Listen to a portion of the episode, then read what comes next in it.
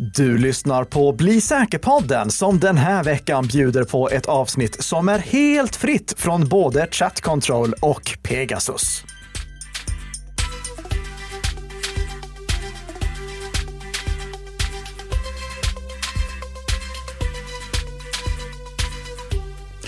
Ja, för vi ska ju prata om tvätt av data. Men kanske inte riktigt på det sättet som man brukar. Du skola ej tvätta USB-minnen i tvättmaskin. Nej, det ska du definitivt inte göra. Du ska däremot lyssna på ett avsnitt av Bli säker-podden. Just det, inspelat den 4 maj. Och idag så är det ju fredagen den 5 maj och rapsfälten blommar här i Skåne. Det gör de. Det gula guldet som yes. det brukar kallas. Eh, det här avsnittet är som vanligt producerat i ett ekonomiskt oberoende samarbete mellan Nika Systems och Bredband2. Och i veckans huvudämne ska vi prata om fler USB-minnen, fler problem. Och då tänker ni, är det här avsnittet producerat av Hype Williams? Nej, det är det inte. Men om, om ni tog referensen så får ni en guldstjärna. Vi ska börja med uppföljning och första saken som vi kommer in på där, det är angående de här TP-Link-routrarna som vi pratade om förra veckan. Jag eh, har fått svar från TP-Link och de har publicerat en eh, patchad firmware till de tidigare hårdvaruversionerna av den berörda routern nu också. Så det var snyggt av dem att de åtminstone gick tillbaka och åtgärdade det på de routrarna. Jag tror att så är fallet åtminstone. Problemet med TP-Link är ju att de nu bara skriver att de har eh, åtgärdat buggar och förbättrat säkerheten. De nämner inte specifikt att de har åtgärdat säkerhetsbristen som heter CVE 23, eh, 2023 1389 poängen med att vi ger sårbarheter sådana här CVE-nummer, det är ju att vi lätt ska kunna veta vilka eh, fixade firmwares som åtgärdar vilka sårbarheter. Så det hade varit snyggt om TP-Link också hade skrivit att de faktiskt åtgärdar CVE 2023 1389. Men så är inte fallet. Sen så har vi också en snabb uppföljning kring Nextcloud för att Nextcloud 26 har ju rullat ut, även kallad Nextcloud Hub 4 och jag hade ju stora förhoppningar på att end-to-end krypterings lösningen nu skulle vara fixad, att den nu skulle vara redo att använda. Men? Så är inte fallet. Nextcloud började marknadsföra den här lösningen som så kallad vad var det de sa? Production ready kallade de den 2020. Men det är fortfarande på sin höjd en tidig beta. Jag installerade den här eh, uppdateringen och eh, end-to-end krypteringstillägget på vår Nextcloud-instans. Det ledde till att versionshistoriken igen slutade funka och sen när jag vaknade dagen därpå, då hade den här eh, synkroniseringsmotorn helt enkelt mumsat upp ett gäng av mina gigabyte. Så plötsligt så saknades en massa filer. Så jag kan väl konstatera både av min egen erfarenhet och av recensionerna som har dykt upp att Nextclouds end-to-end krypteringslösning fortfarande inte är redo.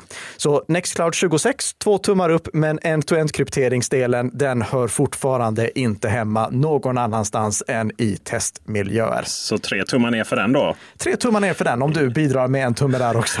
Precis. Eh, och, och, för att förtydliga, det finns ju en bra sak som kom ut av det här, nämligen att jag fick testa våra backup-rutiner. Och det är ju alltid bra att få testa sina backup-rutiner så att eh, man ser att de fungerar. Och de funkade? De funkade Härligt. precis som det skulle, because you should always have a backup plan for your backup plan to back up your backup plan. Det var avsnittets andra hiphop-referens. Vad härligt.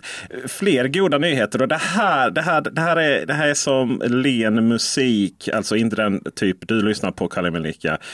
Passkey för Google-konton Äntligen! Vi är alltså närmre ett lösenordsfritt internet för varje Google-uppdatering ja. som kommer. Nu i veckan, då meddelade nämligen Google att nu kan de som har privata Google-konton välja att låsa upp dem med passkeys istället för lösenord. Och det här är alltså inte någon typ av tvåfaktorsautentisering, utan nu pratar vi om passkeys som faktiskt ersätter lösenord. Alltså så att du loggar in med bara användarnamn och din passkey. Det är tillgängligt nu för privata Google-konton. Det kommer läggas till stöd för att aktivera det för eh, eh organisationshanterade Google-konton också, men inte än. Jag letade runt. Det finns inte någon inställning för att aktivera det än så länge. Men för privata Google-konton går det att aktivera och jag har aktiverat det. Så nu kan jag med hjälp av min iPhone eller min Macbook eller min iPad, om jag väcker liv i den igen, eh, välja att logga in i eh, Eh, Eh, logga in på mitt privata Google-konto med Passkeys. Och vi har ju pratat mycket om Passkeys i den här podden, så vi hänvisar bara till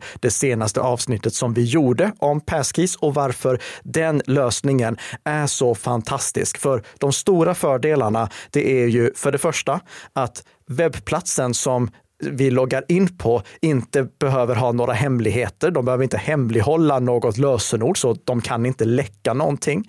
Vi användare får samtidigt en helt nätfiskeresistent inloggningsmetod. Det går inte att nätfiske attackera Passkeys-inloggningar och vi behöver inte heller skaffa någon kompletterande hårdvara i och med att allt vi behöver redan finns i vår mobiltelefon eller vår dator. Så Passkeys är en fantastisk fantastisk lösning som faktiskt är den första som har möjlighet att ersätta lösenord. Och nu ser vi ju faktiskt att den gör det också.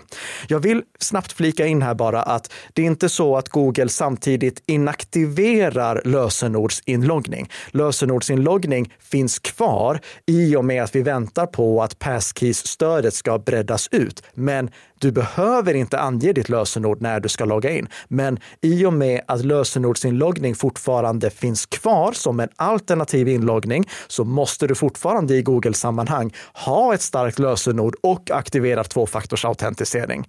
Men om du väljer att logga in med Passkeys istället, då slipper du allt med långa lösenord och eh, tvåfaktorsautentisering. För det, det, det är det som är så fint med, med Passkeys. Det är ju en så stark metod i sig att det inte krävs några extra engångskoder eller pushnotiser eller något sånt för att hålla säkert. Eh, Passkeys är alltså så säkert att till och med de som är med i Googles program för extra säkerhetsskydd de kan använda Passkeys utan att behöva ha några extra inloggningsmetoder aktiverade för tvåfaktorsautentisering. Jag, jag tänker, det är ju så enkelt också. Ja. Eh, då betyder det ju att då behöver vi inte spara inloggning utan vi kan logga in varje gång. Ja. Och på så sätt så slipper vi problemet med eh, att man tar sig in via kakan. Där. Nej, jag tror faktiskt inte det. Det, det, det var en god tanke Peter, men du kommer ändå vilja vara fortsatt inloggad på ditt Google-konto eftersom du vill ha notiser när någonting händer. Och då måste du vara inloggad. Så, Youtuber är ganska jobbigt med alla notiser. Eh, jobbigt med alla notiser, men det är ju samma konto som du har till din mail också. Mm, ja, så okay, okay, ja, det, okay. tyvärr. Det, mm, men det, eh, jag, jag, jag slutade lyssna efter bra tanke där. Ja. Eh, men det finns väl faktiskt fortfarande lite bekymmer med detta. Ja, det gör det. Ja, det gör det. Det här är ju fortfarande en väldigt ny metod och den är därför, alltså det är inte svårt att förstå hur man ska använda den, men det finns fortfarande lite risker förenade med den. Och jag tänker framför allt på risken att i och med att Passkeys bygger på samma lösning som vi har med säkerhetsnycklar, alltså till exempel YubiKeys. Och Eh, det är även samma lösning som eh, tidigare Touch ID i din Mac eller Windows Hello i din eh, eh, Windows-dator kunde använda utan att ha någon koppling till Passkeys, så finns det risk för lite förvirring. Så om du väljer att aktivera Passkeys på ditt Google-konto, då måste du vara väldigt noga med att säkerställa att det står att du använder Passkeys som synkroniseras med en Passkeys-tjänst, till exempel iCloud Keychain.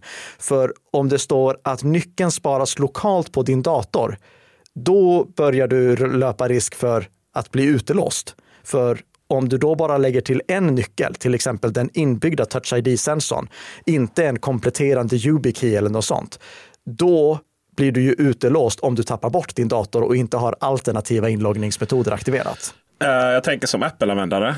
Ja. Är inte Passkey alltid synkat med Nej, det är det inte. Det, det, det, är jättebra fråga Peter. Nej, det är det nämligen inte. För att i Apples värld, där är ju nu Passkeys utrullat till alla som kör MacOS eh, vad är det, MacOS 13, Ventura och eh, eh iOS 16.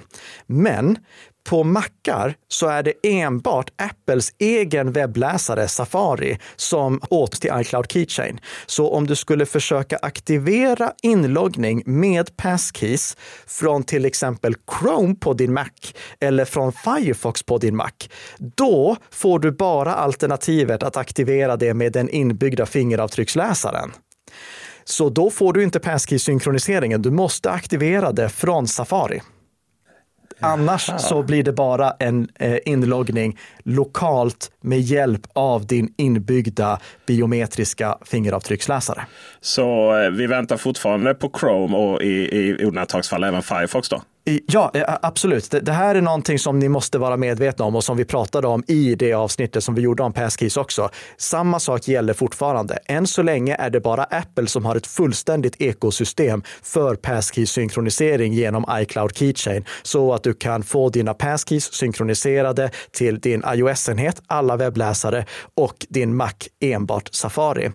Google, de har inte byggt ut sin Passkeys-synkroniseringslösning än så att den även omfattar Chrome. Den omfattar bara Android. Det är bara mellan Android-enheter som Passkeys synkroniseras. Så det, om du är Android-användare, då ska du kanske inte aktivera den här funktionen än, för då måste du alltid använda din telefon för att låsa upp ditt Google-konto. Det kan du göra tack vare att du alltid kan ha med dig din mobil, skanna en QR-kod och så upprätta en Bluetooth-anslutning, så som vi pratade om som en nödlösning. Och det fungerar även i andra webbläsare på eh, MacOS. Men den enda synkroniseringstjänsten som är redo, som alltså är det Passkeys ska bli som gör att Passkeys är så användarvänligt. Det finns bara i Apples inlåsta ekosystemen. Men det här det är ett övergående problem. Vi vet ju att både Bitwarden och OnePassword har cross-platform synkroniseringslösningar på gång. Så snart har Passkeys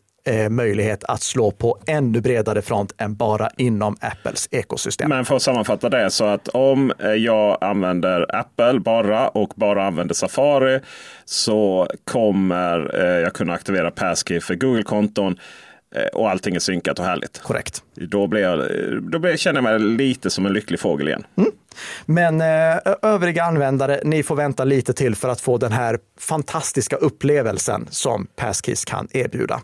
Vi kan väl också konstatera att i och med den här nyheten så är Squirrel, som vi pratade om en gång i tiden, det är kört. Det kommer inte slå igenom. För nu ser vi hur hela branschen sluter upp kring just Passkeys. All right.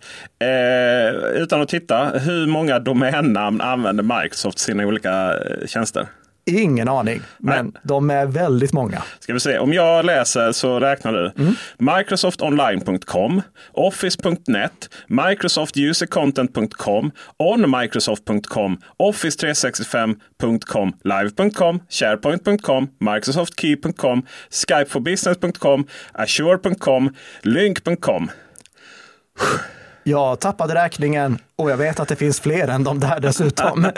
Eller gör det, för nu ska ju Microsoft rensa upp i detta. Ja, äntligen är det dags för Microsoft att rensa upp i den här horribla soppan med domäner som de har använt. Det är grundregeln som finns i eh, Nika Systems rekommendationer till organisationer, alltså en publikation som inte är ute än, men det som kommer, som borde vara lag dessutom.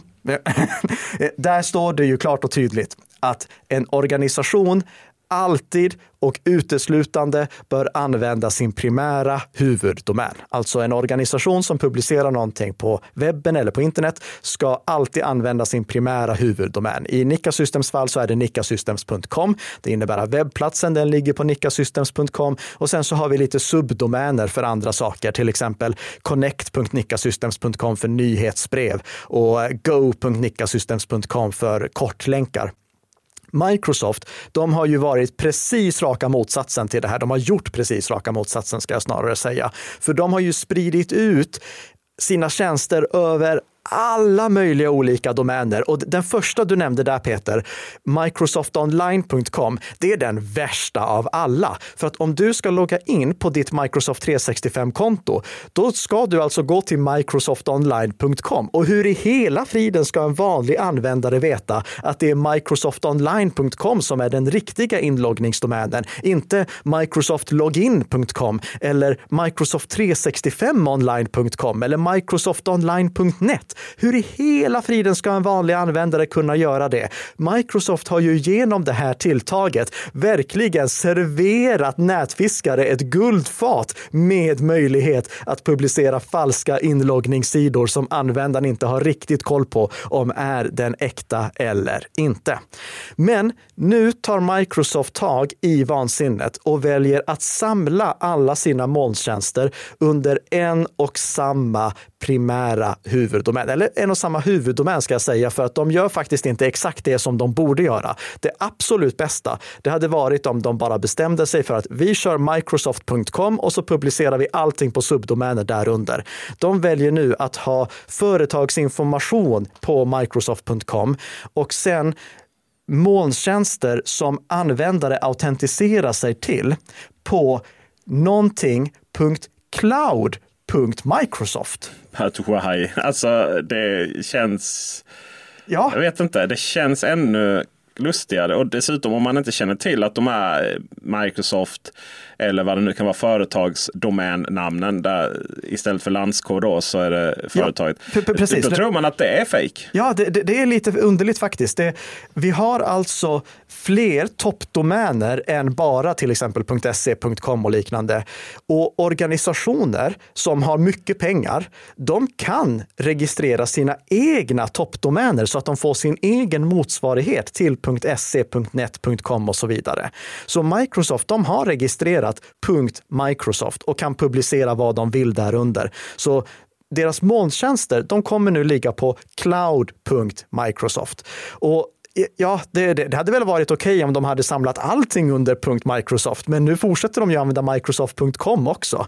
Så förvirringen den kommer kvarstå där. Och jag får ju säga att det här blir ännu svårare nu när ICANN, de som bestämmer över det här, tillåter organisationer att eh, köpa sina egna toppdomäner. För att då blir det ännu krångligare för vanliga privatpersoner att veta vad som gäller egentligen. Det blir ännu viktigare att de söker på sökmotorer för att kolla vilken den riktiga primära huvuddomänen är. Och då måste de kanske kolla på toppdomäner också. Så vi får se. Det, jag tror att vi måste uppdatera Bli säker-guiderna där lite grann. Men det här är någonting som inte bara Microsoft gör. Det finns flera organisationer som har registrerat sina egna toppdomäner, till exempel ABB. De har .abb. SCA, de har .SCA. Volvo, de har .Volvo och Stockholm har .Stockholm. Ja, det där tycker jag är otroligt fascinerande. För om man går in på stockholm.se så känns det naturliga. Så kommer vi på stat.stockholm. Äh. Varför?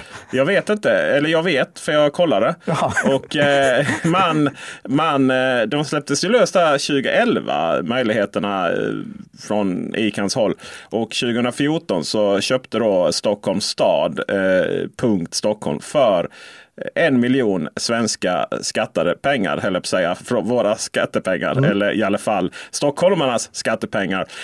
Och sen så kostar den då 400 000 eh, per år. Och det där det är ju felräkningspengar jämfört med skolplattformen till exempel.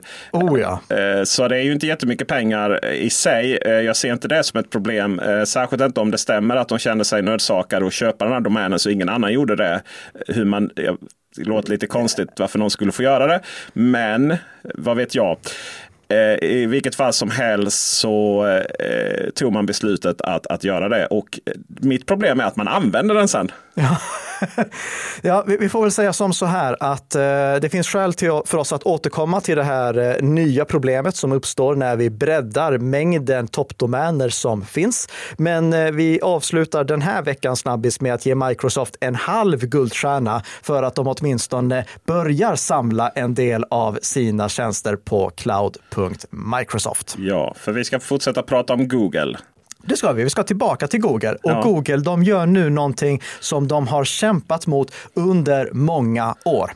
Om ni Bli säker på den lyssnare har hängt med hela vägen sedan avsnitt 21 av Bli säker-podden. Att du ens har den kollen. Ja, men jag kollade upp vilken, ja, eh, vilket avsnitt liksom. det var. Ja. Eh, då pratade jag och Tess om det missförstådda hänglåset, alltså hänglåset i webbläsarens adressfält och varför det är så problematiskt. För hänglåset i adressfältet, det är bland det mest missförstådda som finns. Och det fick vi faktiskt statistik på 2022, för att då gjorde Google en undersökning där 89 procent av respondenterna hade fel uppfattning kring vad hänglåset egentligen betyder.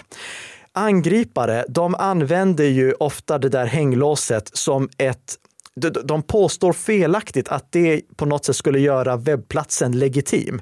Men hänglåset i adressfältet har aldrig sagt, säger aldrig och kommer aldrig säga någonting om huruvida webbplatsen i sig är legitim eller inte. Det säger ingenting om det är en webbplats som sprider skadeprogram eller om det är en klonad webbplats som stjäl inloggningsuppgifter som Microsoft dessutom då har förenklat för dem att göra. Men, det var en, extra pik till Microsoft som kom in där. Det var tokigt. ja, ja, var tokigt. Whataboutism. Ja. Jag var nästan där. Mm. Nej, men problemet är ju att folk missförstår vad hänglåset egentligen betyder. Hänglåset, ja, det känns så säkert. Ja, och tidigare så stod det ju till och med säker intill. Just det. Men det syftade ju bara på att anslutningen var säker. Alltså om det finns ett hänglås i adressfältet så betyder det att anslutningen till webbplatsen är säker. Så att du kan veta att ingen som sitter på samma nätverk kan avlyssna vad som skickas och att inte någon har ändrat i innehållet av det som visas på webbplatsen medan det skickades från webbplatsen till din webbläsare. Du vet att det är en säker anslutning. Webbsidan som visas hör ihop med adressen som står i adressfältet. Ingen kan avlyssna och det finns inte någonting som, någon som kan ha ändrat innehållet på vägen. Men i takt med att en större andel av all webbtrafik har blivit krypterad så har poängen med det där hänglåset försvunnit. Poängen med att det kom från första början, det var ju att då, då var alla anslutningar okrypterade och du var tvungen att dubbelchecka att okej, okay, nu ska jag logga in på min mail. Då, då, kollar vi för säkerhets skull att det faktiskt finns ett hänglås, att det är ett, liksom ett av undantagen, att det där finns ett hänglås, att det är en säker anslutning så att jag inte läcker mitt lösenord. Men nu är det inte ett problem längre. Eh, vi har ju många gånger i den här podden hyllat Let's Encrypt och det var för att Let's Encrypt gjorde så att alla som driver en webbplats kostnadsfritt kan få det som krävs för att kunna upprätta säkra anslutningar till webbläsare. Och med Let's Encrypt så har nästan hela webben gått över till att använda säkra anslutningar. Innan Let's Encrypt slog igenom, alltså tillbaka på 2014, då var det ungefär en fjärdedel av världens anslutningar som gick till säkra, äh, som, äh, av världens anslutningar som äh, var säkra, alltså där det upprättades säkra anslutningar till webbplatser. Och det var ju då för att det var webbplatser där användaren skulle logga in eller webbplatser som hade brytt sig om att de ville säkra kommunikationen så att inte eh, någon kunde avlyssna vad någon skrev i ett formulär till exempel. Men resten var fortfarande osäkra anslutningar. Så ser det inte ut längre. Nu, 2023, är det nästan 99 procent av alla Chrome-besök som görs över säkra anslutningar. Det, det, varierar lite beroende på vilken plattform som användaren använder, men det är uppemot 99 procent. Och då är det ju fel att indikera att anslutningen är säker. Då ska det ju istället vara tvärtom, att det hotas ifall, eller varnas ifall anslutningen inte är säker. Och nu, 2023, i september, då kommer Google ta det sista steget också. Då kommer Google göra så att det inte längre indikeras med ett hänglås i adressfältet om anslutningen är säker, utan det kommer istället bara varnas för motsatsen. Hänglåset kommer då att ersättas med en liten inställningssymbol. Och det är ju egentligen mer logiskt, för redan idag så klickar vi ju på hänglåset för att komma åt webbplatsinställningar, vilket egentligen är mycket underligt. Så de kommer att byta ut hänglåset mot en inställningssymbol i Chrome 117 och om du vill se hur det kommer se ut, då finns det en länk i våra show notes till en artikel som jag skrev där jag eh, installerade Chrome Canary, alltså förhandsversionen och skärmdumpade hur det såg ut nu. Det är troligtvis så det kommer se ut. Det kan bli några små skillnader, men där har ni i alla fall ett exempel.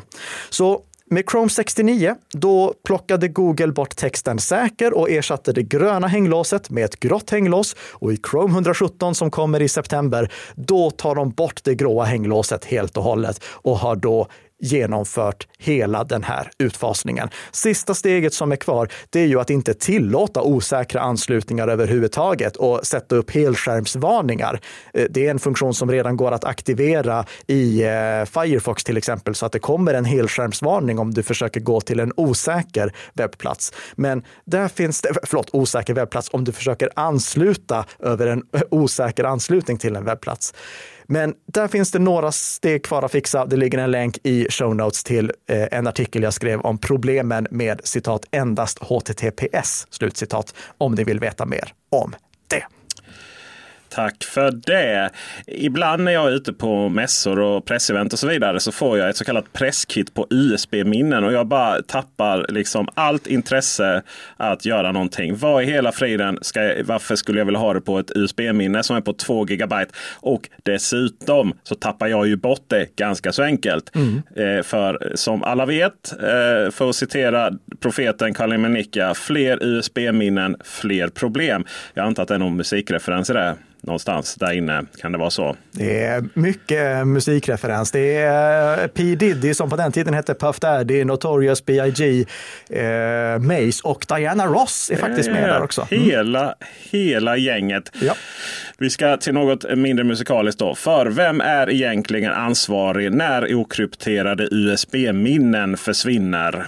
Region Skåne, det är alltså eh, gamla eh, ja, Malmöhus län som gick mm. upp med Kristianstad län och bildade Region Skåne, tycker att det är den anställde.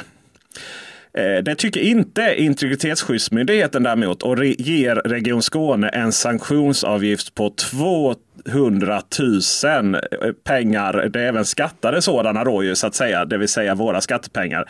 Men vi backar bandet. Det var nämligen så att en forskare som verkar just under Region Skåne eh, fick ut information, eller ja, begär information eh, för att forska på då kan vi anta, om en grupp personer på strax under 2000 som fyllt i uppgifter om sin hälsa. Och eh, på minnet då och i den här filen så låg också bland annat personnummer på de här personerna. Det ska sägas att informationen i övrigt det var ettor och nollor, det vill säga ja eller nej på ett frågeformulär. Detta lades då på ett okrypterat USB-minne som sedan forskaren glömde i sina arbetskläder och de sedermera gick till tvätten. Därefter har USB-minnet aldrig synts till igen. Region Skåne anmälde det hela som, ett, eh, som en personuppgiftsincident men menar att det var ju egentligen inte deras fel. Dels har de ju regler mot att tappa bort USB-minne. Bra där. Och det var ju därmed den enskilde medarbetarens fel då. Efteråt har Region Skåne tajtat till rutinerna med just att information ska vara krypterat och vilka krypteringsprogram som ska använda. Och tvätteriet har fått nya rutiner för att hitta kvarglömda saker. IMI, alltså förkortningen av Integritetsskyddsmyndigheten, är inte så himla imponerad av detta. Så länge en enskild medarbetare inte gör någonting med ont uppsåt så är ju inte den personuppgiftsansvarig. Utan det är ju personuppgiftsansvarig som är ansvarig för personuppgifter. så att säga. Eh, organisationer, företag och så vidare har ju det i och med GDPR-lagstiftningen. Dessutom har inte Region Skåne infört eh, riktigt adekvata åtgärder så här i efterhand menar man och eh, alltså menar då IMU. Och slutligen så är det ju riktigt allvarligt att det här USB-minnet fortfarande inte har hittats. För det, och detta var ju något år sedan då man har letat länge. Ja du Karl Emil eh, jag undrar väl här då, vem, vem är egentligen ansvarig för personuppgifterna tycker du? Eh, är, är det liksom organisationen? Är det den enskilda medarbetaren?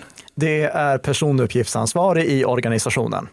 Men jag vill också poängtera att här måste organisationen som helhet se till att medarbetaren har möjlighet att göra rätt. För det, det finns, eh, det, det, står faktiskt, jag ska plocka upp ett citat här så att det blir helt rätt. Eh, det står så här i IMYs rapport. Citat. Eh, citat där jag har bytt ut USB mot USB-minnen där de syftar på USB-minnen. Citat. Regionens styrdokument föreskrev som tekniska skyddsåtgärder vid förvaring och transport av lagringsmedia att skyddet ska motsvara det skyddsvärde som informationen har utifrån den informationsklassning som genomförts samt att lagringsmedia som innehåller skyddsvärd information ska skyddas mot obehörig åtkomst, missbruk eller förvanskning under transport.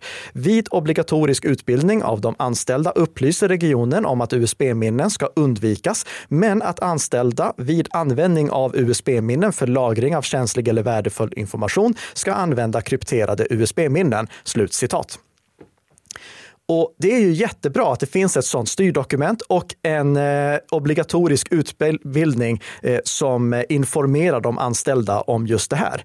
Men det är så ofta som man missar den absolut viktigaste eh, de viktigaste två bitarna. Eh, det första är, förstår medarbetarna varför? För eh, att det finns ett ett, ett styrdokument som säger någonting och en liksom, obligatorisk policy som medarbetarna ska skriva under på att de har förstått. Det är i sig vansinnigt ifall det inte kompletteras med en utbildning som också förklarar för medarbetarna varför det är så viktigt att de krypterar USB-minnena och hur de gör det.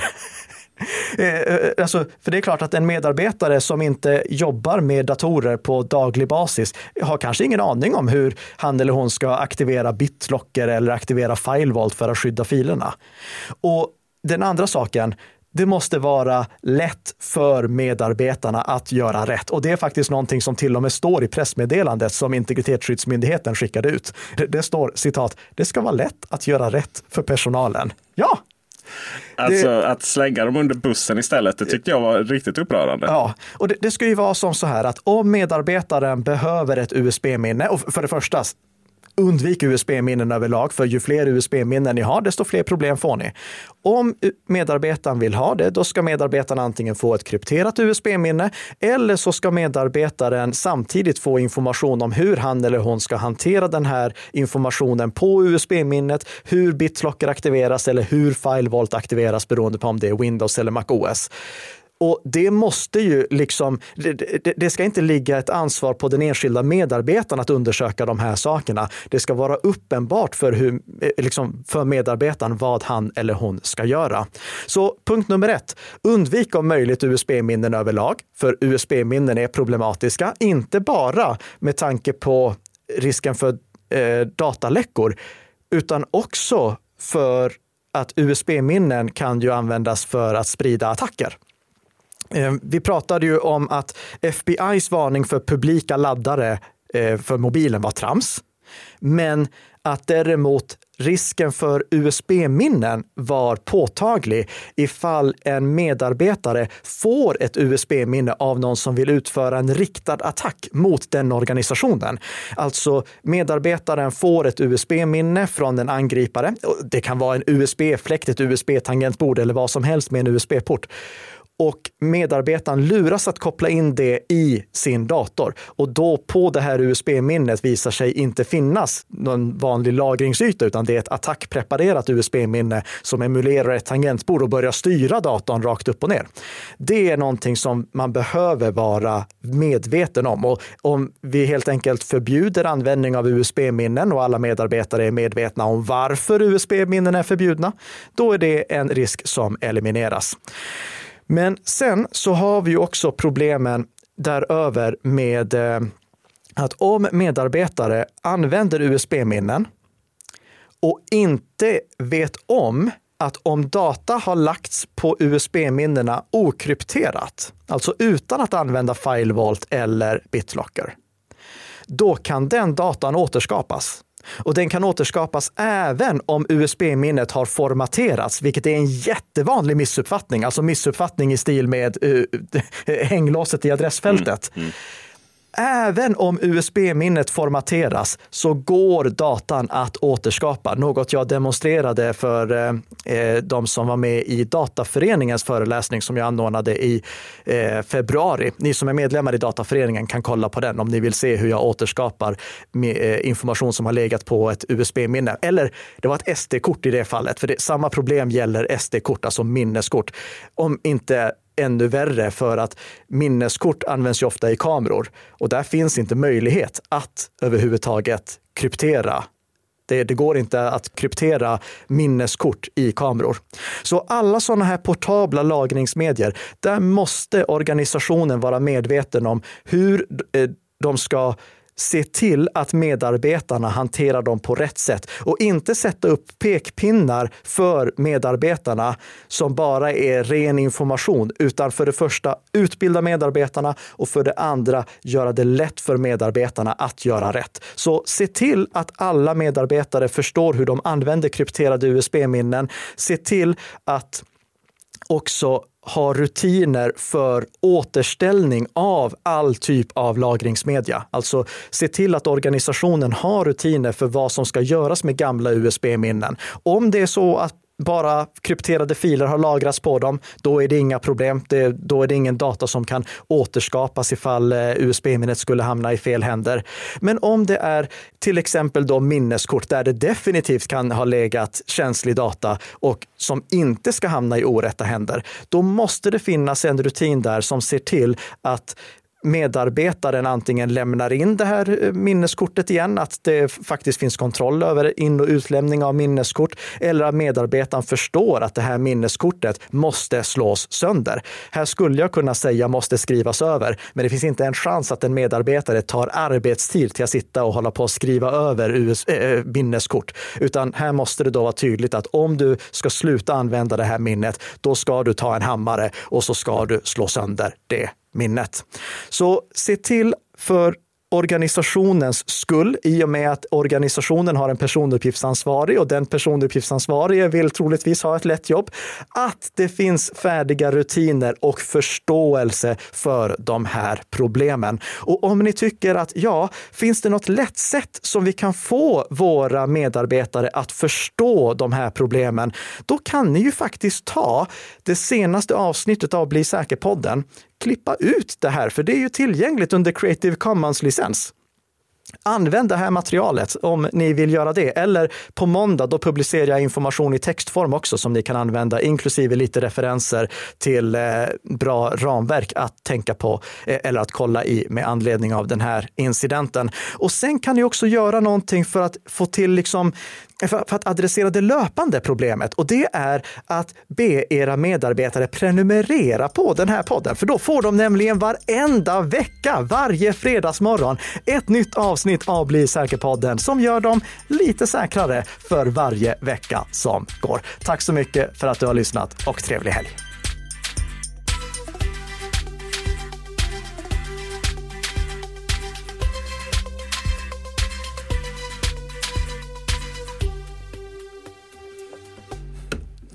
Det avslutet så man komma i. Ja, på en mils avstånd.